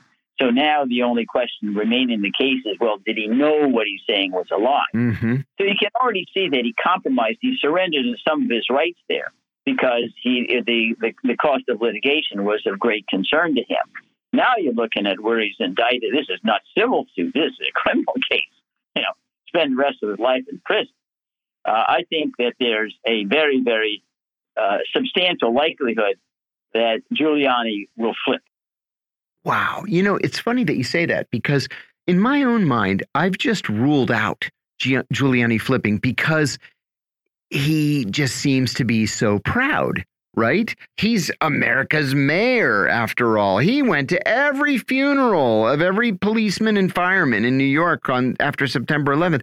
The idea of him flipping, it's just, I, I like my brain can't even process it. But flipping would make the most sense because he's in his 70s. He's looking at 19 felonies. Um, if if he's convicted, he very well could die in prison, even with a not terribly long uh, sentence. And you know, maybe maybe in order to save himself, he he does flip. I'll tell you what, if I were one of the other 17 besides Trump and, and Giuliani, if I were one of the other 17, I would ask my lawyer to please immediately engage the Justice Department in some kind of conversation over how I can get out of this with the least amount of time. And of course, that's going to I mean, the only flipping. reason not to flip is if Giuliani truly thinks that he was That's right. trying to uncover That's right. and address election fraud. It does not really seem to be that way. no, you know what I because mean? he's And so- already said that it was Sidney Powell who had these crazy ideas. He Yeah. didn't believe the crazy ideas, but by God, he went before how many judges and he laid it out like it was his idea. And so I don't know. It's hard to see the personal loyalty to Donald Trump really over. I- you know, I don't i think understand Giuliani. It. the image is not the same as having principles. That's the right. only reason to stand in this case is because of because you have some principle, but there doesn't seem to be principle involved. It's just Trump. Yes. Yeah, I think I think that's that's it. And Bruce, um, turning to Washington, uh, Donald Trump's Washington federal trial is now scheduled for March fourth uh, of 2024. Um, I didn't realize how uh, difficult it was to to get this to to get this uh, changed in the event that Trump wanted it changed. And I think you're right that it's not going to be changed. There may be a No, delay of a week or two, you know, for attorneys to get their their um, uh, arguments in order, I suppose. But they would have to both agree on something like that. But in any event, um, it says here that uh, that the trial now is scheduled to begin the day before the Super Tuesday primaries for the Republicans, and only two weeks before the all important Florida primary. So, politically, how do you think this impacts Trump and his ability to campaign, or does it not matter because his base will likely rally around him? Well, I think, John, it's the latter, but for not only that, I think that the Republican rivals, if you will, that Trump confronts are so anemic, they're so inept, they're such zeros that he doesn't need to campaign to win Right? the nomination. He doesn't need to do anything. I mean, you look at these. yeah, they're they're they're. I mean, I don't want to use the word pygmies because it's an insult to pygmies, I guess. But they're just they have no substance to them. Uh, you could see that at the um, uh, at the first debate, Sans Trump. Virtually every one of them said, "Oh yeah, they'd vote for Trump even if he was convicted of felonies." I mean, it shows you how frightened they are of his shadow. Mhm. Um, and so, why would you vote for the pastel version of Trump if you can vote for the one who's got prime colors? So, I don't really think, even though it certainly will inhibit um, uh, his ability to raise money, because that's all I think that the campaign is about for him is raising money to pay attorneys' fees. It's not votes at all, not at all. It's all it is. Oh, is- interesting. is, is can't pay attorneys. So my view is that the impact on the primaries will be close to zero, and there and, and Trump will win the nomination um, uh, because it's clear from the first debate these people are too intimidated to take him on at the jugular, which could cause somebody to say, "Yeah, we really can't have this, Mr. Trump." Yeah, an albatross. Yeah, they're not there. None of them are saying that. Good lord. Uh, we asked Jim Jatras in the last hour about a new lawsuit having to do with campaign finance, and I wanted to get your take on it as well. Tell us about this lawsuit that could change the way campaigns are financed, especially in the House and Senate races. The conventional wisdom is this is going to help uh, the Republicans uh, because their fundraising apparatuses are so far superior to the Democrats, and they have access to so much more PAC and super PAC money. Do you agree? Well, I don't know what what case you're talking about. I mean, right now, the amount of this the the, the amount of money you can end up you know putting in races is, is already limitless under Citizens United. Right, and this is you supposed know, to be something of a follow up to Citizens United. Well, it's hard to imagine more money getting into the campaigns than's already there, John. tens of billions of dollars. And I say you corporate corporations and already you set up a and, and the idea that these are independent PACs is such a joke. You can hire the former chief of staff, knows exactly what the candidate wants said, and as long as he doesn't make the phone call or go to lunch with them, you can go ahead and have that person run the independent expenditures and spend 50, 60, 100 million dollars. Right. I mean, Citizens United basically ended any kind of effort to diminish the amount of money you can have in a campaign. You got to be an idiot if you can't find enough money. You know, as long as people are willing to give it and funnel it through these so-called independent expenditures. Yeah. I mean, it's, it's just a joke that independent. are you kidding me? You don't have to be independent at all. You know exactly what the candidate wants done and, do, and does it, and then goes back and serves in his office. So I mean, where is the resistance to? I mean, is the, the answer to this obvious that everybody is benefiting, and so nobody who's already in power is going to actually lodge any kind of resistance? Because if it is such an obvious lie, right, right as you say, I mean, it, it it is clearly. I don't know, like what what is how what has happened that we just sort of uh, live among so many falsehoods in our political system? You know, like where is this? Where should this resistance be coming from? Who should be galvanizing it? No, if the citizens don't do it, um, it's not going to happen. You know, the, the, the politicians, certainly in the United States, I call them sociopaths on both sides. Mm-hmm. They're there for one thing and one thing only: to acquire and maintain power. That's it. They could care less about principles. And so they say one thing when their guy's in the White House, and then the opposite thing when the other guy's in the White House. Uh, and all they care about maintaining there. That's why you find typically when districts are drawn, they do political gerrymandering, but it's to keep all the incumbents not to face anybody in a primary. So they draw it. So they, the Republicans have safe seats and the Democrats have safe seats, and maybe one is a contested seat. Um, and so right now, when you look at the money, I mean, the Democrats have huge dollar signs on, you know, George Soros.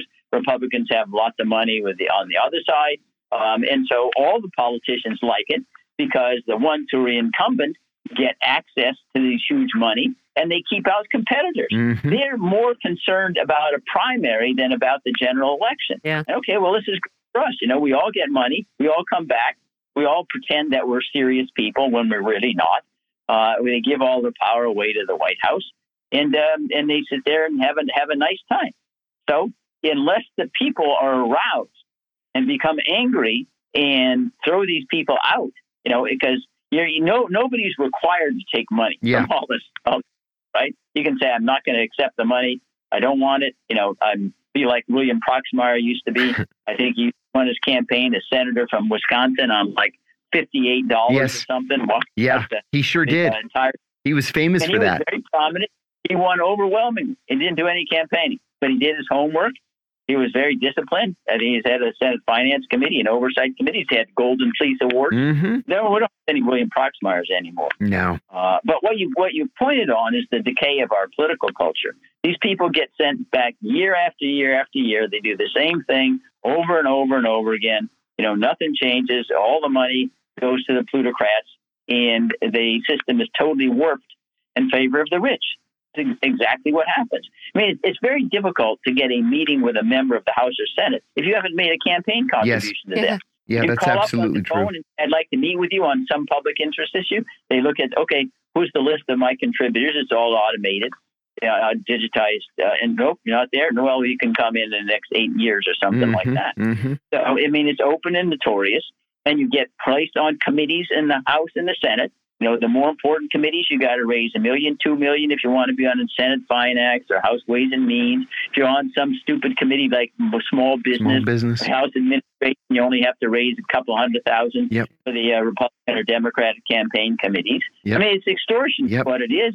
No one pays any attention to it. I once drafted a bill for my friend at that time, the late um, Walter Jones in North Carolina, and make it a crime to offer people certain committee assignments in exchange for raising money for their political campaigns.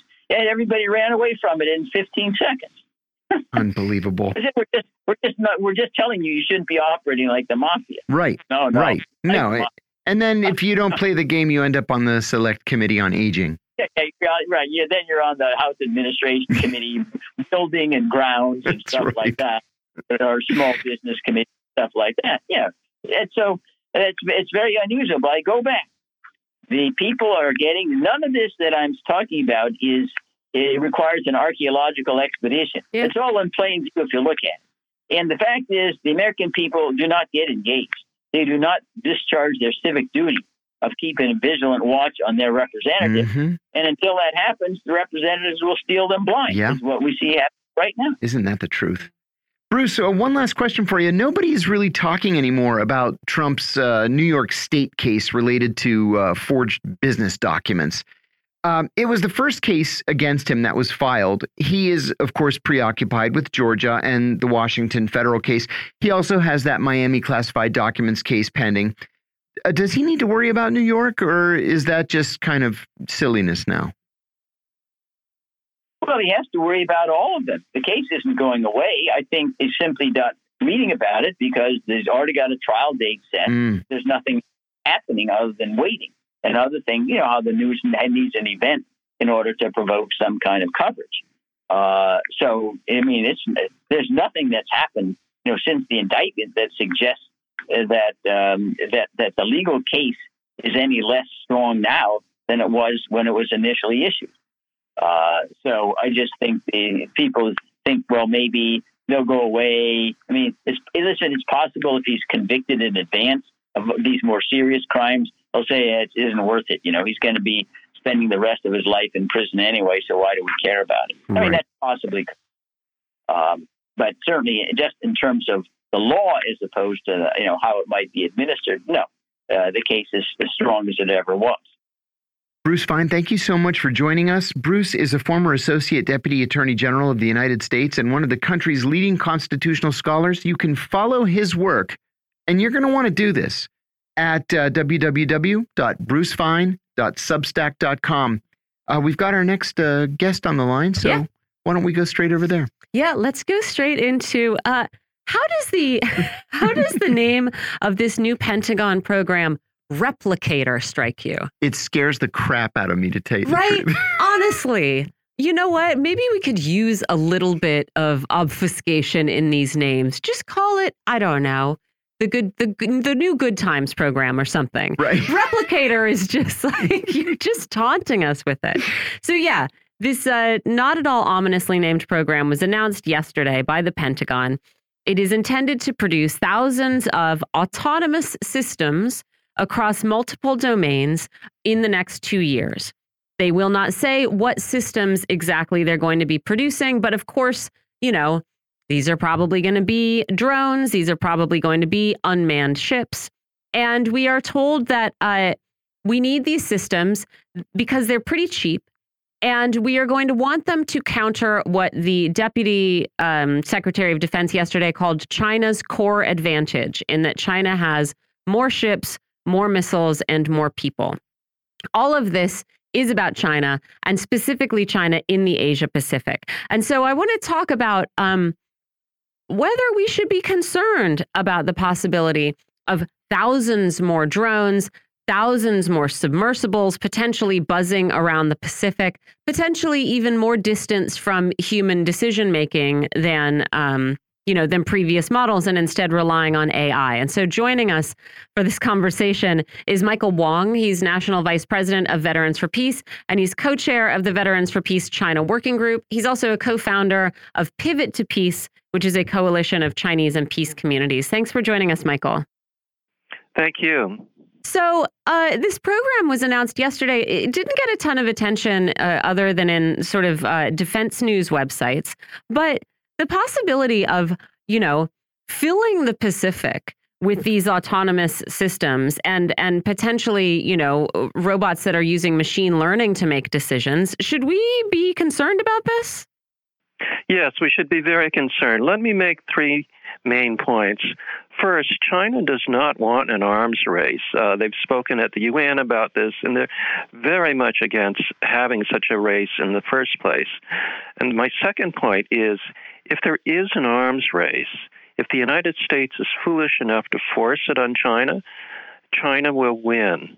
And my third point is these AI, uh, sometimes called killer robots, are a danger to all of humanity because they interact with each other.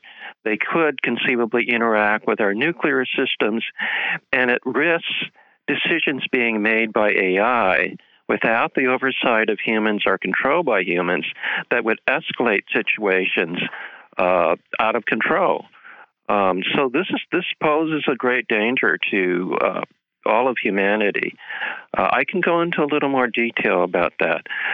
Uh, uh, Zhang Jun, who's the uh, China representative to the UN, spoke at the UN recently, and he urged the UN to take a lead in advocating for peaceful uses of AI, uh, regulations and rules to control the development of AI, and to direct AI for peaceful use, not for weapons.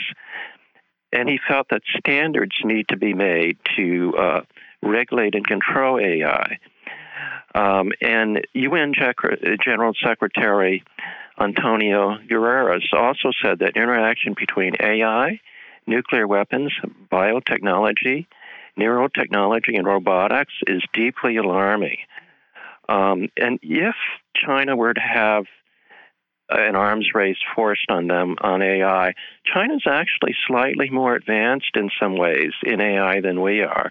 They also are able to mass produce things in general much faster than we are. For example, here in California, we've been trying for over a decade to build high speed rail just from San Francisco to Los Angeles.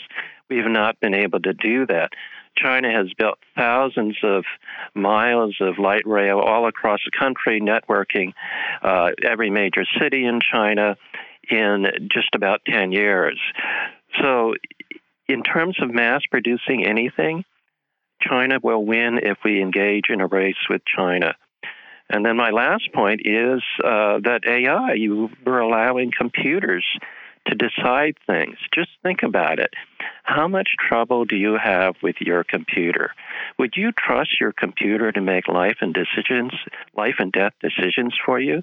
You know, I have uh, trouble with my smartphone auto correcting my emails yeah. and making mistakes and making them wrong. Yeah. You know, so do we want autonomous robots, killer robots, out there deciding which humans to kill and when and why.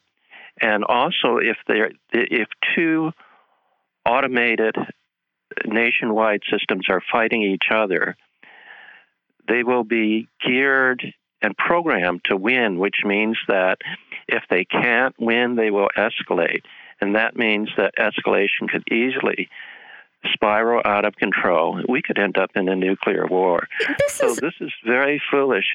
There is an actually an organization I discovered called StopKillerRobots.org. Oh, if yeah. anybody wants to go to that website, they can get involved. I wanted to ask about this. I mean, I think that um, well, there are a couple of different uh, questions I want to ask here. One is that I I suspect that a lot of Americans don't understand just how much a, a potential flashpoint the South China Sea is and how provocative uh, our freedom of navigation operations in the South China Sea are to China. And so, you know, the idea that we we would like to flood this area. I mean, look, we're talking about a you know a big part of the world and thousands of systems. So maybe I'm being a little bit uh, dramatic when I say flooding, but really they they are talking about building thousands and thousands of these systems to deploy to the Pacific to you know to use the quote that you always see counter threats posed by China there. And so I wanted to ask you to elaborate a little more on yeah, we we are already um, you know, uh, we are already initiating a variety of close calls with China by conducting these freedom of of navigation operations in waters that they continue consider to be theirs or along their border, setting up the possibility of a of a misunderstanding, right, or a misperception of something that is or isn't a threat in an area that's a flashpoint, in an area that China would consider a, a, a matter of self defense, right? Because we're right on its border. What will right. it mean to introduce, as you say, a, not only a bunch more possibilities of misunderstanding, but a bunch more possibilities of misunderstanding, not even between humans, but between uh, robots? Yes. Uh, you know, uh, first of all, for Americans to understand how China feels, just imagine if China or Russia were doing freedom of navigation uh, patrols up and down our course. And when I say freedom of navigation patrols, I'm not even just talking about sending a cruiser or a destroyer you know, through these waters every uh, every few months. I'm talking about entire aircraft carrier battle groups, you know, a whole armada of ships patrolling up and down China's coast, and uh, you know, that's very provocative. Just imagine if China or Russia were doing that to us. How would we feel? That would be a very obvious threat. So, uh, you know, Americans, when they read the mainstream news, they hear China's being aggressive, China's being a threat. China is not on our borders. China is not running battle groups up and down our coast. We're doing it to them. They are not doing it to us. Um, and we say, well, we're defending our allies in, in the Pacific. Our allies are not under threat. China's not threatening Japan. China's not threatening South Korea. China's not even threatening Taiwan. We keep saying China intends to invade Taiwan. Now, China is very clear. They've been saying the same thing now that they've been saying for 50 years, which is we want peaceful reunification with Taiwan eventually, no time frame named, and that we would only consider use of force if Taiwan were to declare independence. The United States keeps trying to push that red line. Um, and if you look at polls in Taiwan, the polls always say a majority of people on Taiwan want to maintain the status quo and the status quo is working for both sides just fine right now. You know, there's been billions of dollars in trade that goes back and forth each year between the mainland and Taiwan. There's thousands of tourists and business people that go back and forth every year. The economies are thriving on both sides. The status quo is working just fine. So the United States is the one that keeps pushing the red line and trying to provoke a war, just like we did in Ukraine. Uh, I've been uh, talking with a professor from uh, Taiwan who's been advocating for a middle way uh, between the two powers, and you know, um, he says the same thing, which is that the status quo is working just fine, and nobody in Taiwan or the mainland wants to change it at this time. Um, so there's really no basis for our provocations. And like you say, putting AI in charge of these things risks, you know, the, the destruction of humanity. Uh, you know, would you trust your computer to to make a life and, and death decision for you in a crisis? No. I it, it is shocking to me considering how often we invoke um, Taiwan and the the well-being of Taiwan as a reason for our aggression against China and how little we actually hear from from people living in Taiwan, right? Like we will hear from right. the leadership, and especially if right. they're from the the DPP, right, and not the KM uh, the KMT. But we don't hear a lot. I mean, I will give some credit to, I think it was the New York Times that had a long article that included uh, uh, several people saying, well, uh, either I don't want things to change. I think reunification would be fine, or I'm certainly not willing to to die for it. And the thing that drives me especially nuts is hearing people um, look at what is going on in Ukraine and act as though that would be some kind of glorious future for the people of Taiwan, right? A small island that would be absolutely wrecked if we were to have a war on it or on top of it. I mean, it's it's it blows my mind uh, that people truly think that that's preferable to continuing to sort of engage and develop and live a normal life in a nor in a pretty normal country, right? I mean, of course, Taiwan is in a weird geopolitical situation. China uh, has some, uh, you know, rules that they find onerous about what different international groups it can join and how, it, you know, what memberships it can have, and it gets, you know, uh, people get understandably frustrated about that.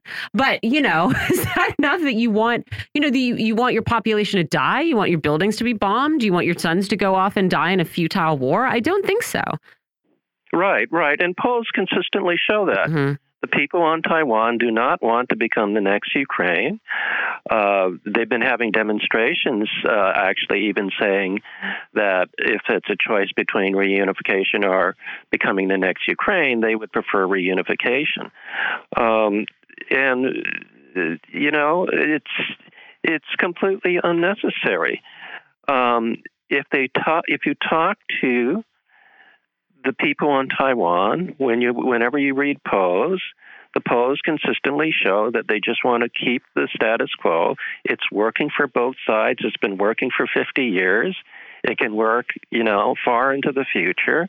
Um, historically, China has you know, a history of 5,000 years, and there's been different times in history when China was divided uh, between itself, and it eventually reunified. You know, it, China thinks in terms of uh, hundreds of years, you know, thousands of years. Things don't have to happen immediately. China doesn't feel a need to reunify immediately. They just want to eventually reunify, and both China, the mainland, and Taiwan, the island, have been evolving over time. Um, and if we just gave it time, you know, it, peaceful reunification is possible, and various uh, compromises and other forms of relationship along the way are entirely possible. There's there's no need for this. Uh, the United States basically is trying to stop China from its peaceful economic rise because they don't want a large segment of the the world being not under the thumb of U.S. domination. Uh, it's basically exploitation and imperialism of the third world, of which China is still a part. I also wanted to ask you about uh, the sort of technological implications here. Uh, one of the things that is being said about this effort to you know build all these thousands of systems quite quickly, uh, it's being stressed that they are sort of cheap, that they're um, expendable, and uh, the I, I mean I think it was a deputy secretary of defense who said, you know, we we are looking at how useful these kinds of cheap expendable systems have been in the war in Ukraine. And we don't intend to accumulate a stockpile of missiles and conventional weapons that is as big as China's. But these are going to be our sort of counter to that. And I I wondered if if you have any insights into how the war in Ukraine is affecting our view of what a conflict with China would be like, you know, what it means that we are kind of uh, working on slightly different weapon systems, and whether that should tell anything about, uh, I don't know, the, the timeline for potential conflict that the U.S. is looking at. Yeah, the U.S. elite, especially right now, is composed of people who have a very arrogant and unrealistic view of America and the world. They keep uh, introducing new weapon systems into Ukraine and thinking that that's going to turn the, the tide of war. And each time they're proven wrong because whatever they do, the Russians will counter it. Um, and they've proven that they can counter it, and they've been successful at countering it. And if you look at the uh, weapons and means of both sides, it's pretty clear that they can continue to do that. So the the, the elite in Washington, they're losing their dominance over the world. They're getting desperate. Uh, they're engaging in magical thinking. Quite frankly, they think that they can come up with some new gimmick that's going to win the war in Ukraine. And they're applying that same logic to China that they can come up with some new gimmick that can somehow defeat China. The reality is, we're not up against just China or Russia. We're up against the entire third world, which we've been oppressing for the entire colonial period. So that world is standing up for itself. It's being independent. It's not out to attack us. Nobody wants to invade the United States. But they want to be independent. They want to not be exploited. They just want to live peacefully. Um, and we're trying to stop that because we, our elite, not the American people, want to ex- continue exploiting the rest of the world. And uh, this magical thinking is very, very dangerous. Uh, you know, there's always been, been talk about pushing the edge of nuclear escalation in Ukraine. Um, and they're doing the same thing with China. They're pushing the edge constantly of escalation. They're introducing new systems. They're getting more and more desperate, and they're engaging in more and more magical thinking, which is extremely dangerous. Uh, and once we have all these AI killer robots running around the planet, because not just China, but you know many countries can develop them. Uh, you know, we'll, we'll have something that we don't have control of. It's it almost looks like you know the Terminator series of movies that that Arnold Schwarzenegger starred in. I mean, there it feels like they are pointing straight to that with just the name of the program. Yeah. Again, even just the name give is provocative. Me a, give me a sort of uh, uh, this is Operation Steel Wheels or whatever, right? Like Cold Storm, not Replicator. The other thing I wanted to ask, I think it's a good point that you, that you make that um, you know the the sort of uh, global south, the sort of uh, coalition of people who are or nations that are trying to uh, you know create their own kind of block to to counter Western policies uh, that they have found exploit them over decades. As you say, uh, they not they're not trying to bring war to the shores of the United States. So, what do you think American people should understand about our country, about what we're told about our country, uh, given the fact that the way that we are responding to economic competition and you know economic decisions that maybe don't exclusively benefit us to the detriment of other countries that we're responding to efforts like those with you know by openly threatening conflict. Yeah what i would say to the the american public is don't just read or listen to the mainstream American or even the Western news like BBC or any of those. Listen to, read both sides of the story. Go to Chinese sources such as uh, CGTN on YouTube or uh, RT on YouTube um, go to look them up on the internet. Uh, look up neutral uh, sources such as Singapore's uh, CNA uh, news channel on YouTube. Use your internet to go look for original sources, not Western reports on sources, but original sources from different countries both you know countries that we claim are adversaries and countries that are neutral and just read how they see the world and what they see as their interests and their view of American behavior.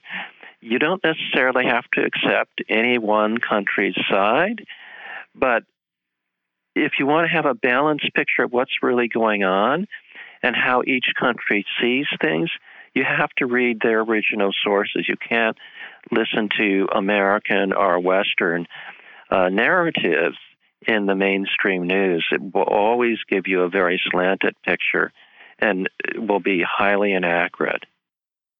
Michael Wong, thanks so much for joining us. That was the National Vice President of Veterans for Peace, a co-founder of Pivot to Peace. Uh, can you tell us where uh, where people should go if they want to find out more, either about VFP or about Pivot to Peace? Uh, Pivot to Peace is peacepivot.org. That's peacepivot.org. And Veterans for Peace is veteransforpeace.org.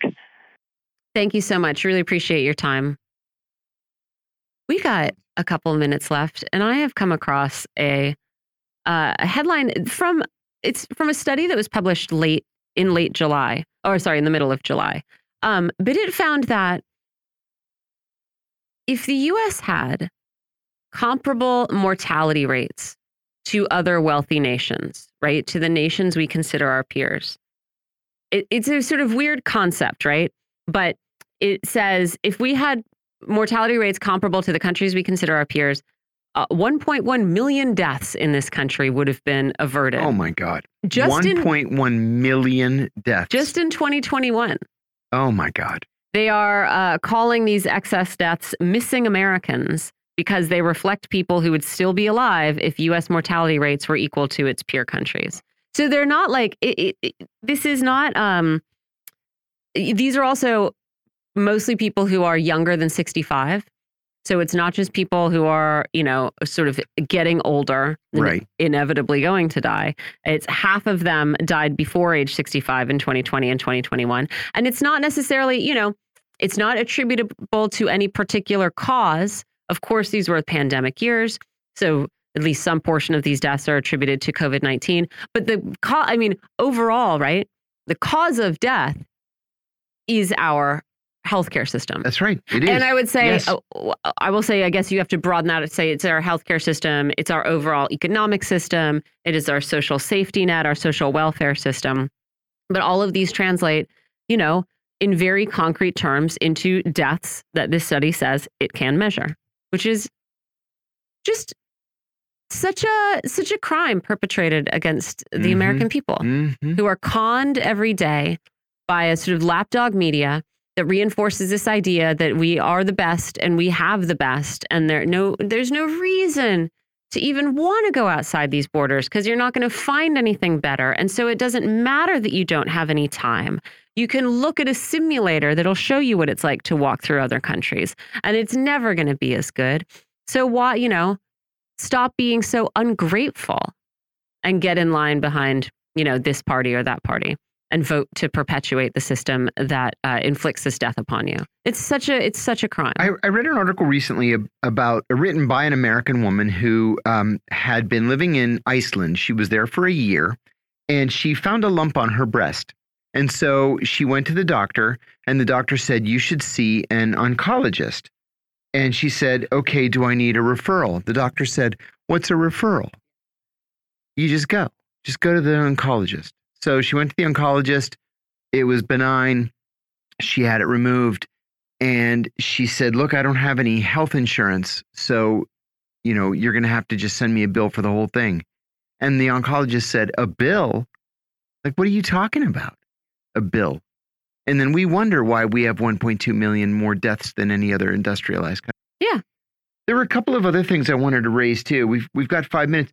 Um, we probably should mention the hurricane. That's yeah, we should mention the hurricane. Idalia uh, is going to make landfall, um, and we got a little update. I got a little update from my friend Jeannie. Mm. Jeannie, thanks for for letting me know. Uh, Tampa Airport is closed for the next two days, so nothing going in, nothing going out. Everybody's locked down. Twenty two Florida counties on the West Coast, mm -hmm. on the on the Gulf Coast, are being evacuated. And CNN, which does things like this, uh, has a headline: "Idalia could be a once in a lifetime event." Now it's a Category three. Yeah, it's not a Category five. Yeah, but it's going to make landfall, four. and it's it's gonna it's gonna hit hard. So yeah. we'll we'll see. I think the uh, as usual the the issue is going to be the storm surge. Right? And that's bring a bunch of saying. water. It's going to send a bunch of water into water. Tampa. It, uh, that's exactly right. Yeah, you don't need to have crazy winds No. and crazy rain if no, you got just but a the storm surge could wreak havoc on on people's homes. yeah. So we'll see. That's number one. Number two, Steve Scalise, the uh, the House Majority Leader, the the number two uh, Republican in the House behind Kevin McCarthy, announced this morning that he is suffering from multiple myeloma, which is cancer of the blood plasma. Huh. And he says it's a very treatable cancer. That's not true. Oh. I have two friends who died in their early 40s of multiple myeloma. It has a survival rate of a, a six year survive. I'm sorry, a five year survival rate of 54%. And Yeah. the average person lives for six years. Hmm. Um, this is the kind of thing that it's also called cancer of the bone marrow.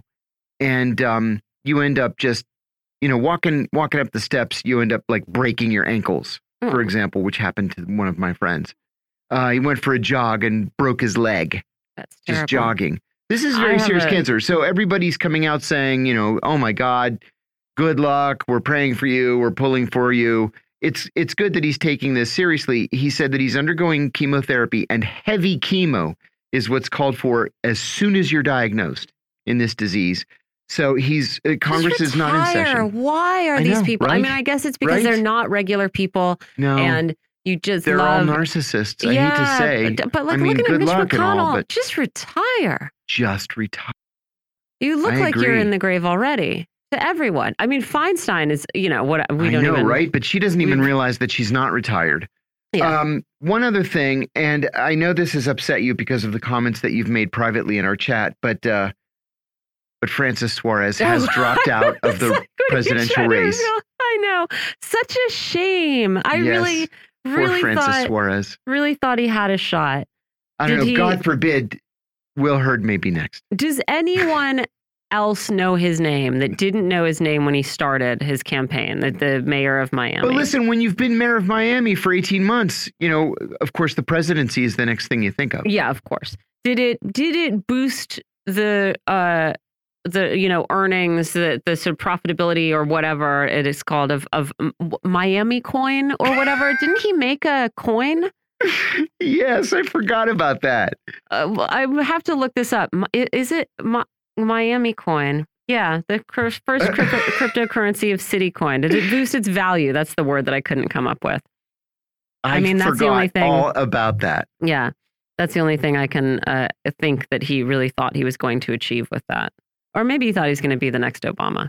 God Almighty. Yeah. He said know. he wanted to return the party to uh, to the time of Ronald Reagan when it was a big tent party and Hispanics were welcome. wow. I don't Ouch. think. I don't think that Hispanics feel unwelcome in the Republican Party, though. At least according to so trends that we are seeing, I think Yeah. they Ask feel. Enrique Tarrio how welcome he felt. I mean, I don't know. I just feel like, uh, again, I think it is sort of a misconception sometimes that leaving one of our two parties means people are automatically going to go to the other. I think sometimes people just decide they are fed up with the whole system, and are- Yeah. that's probably a correct position. But the trend's pointing towards the Republican Party for a lot of Latino people in the United States. So, I mean, Yeah. well, I guess that's why he's not going to be president. Mistakes like that. Poor guy. That's all we Better got. to- luck next time. Better luck next time, Francis Suarez. That's what we're going to end the show with today. But we'll see you guys tomorrow. Thanks for listening. Bye.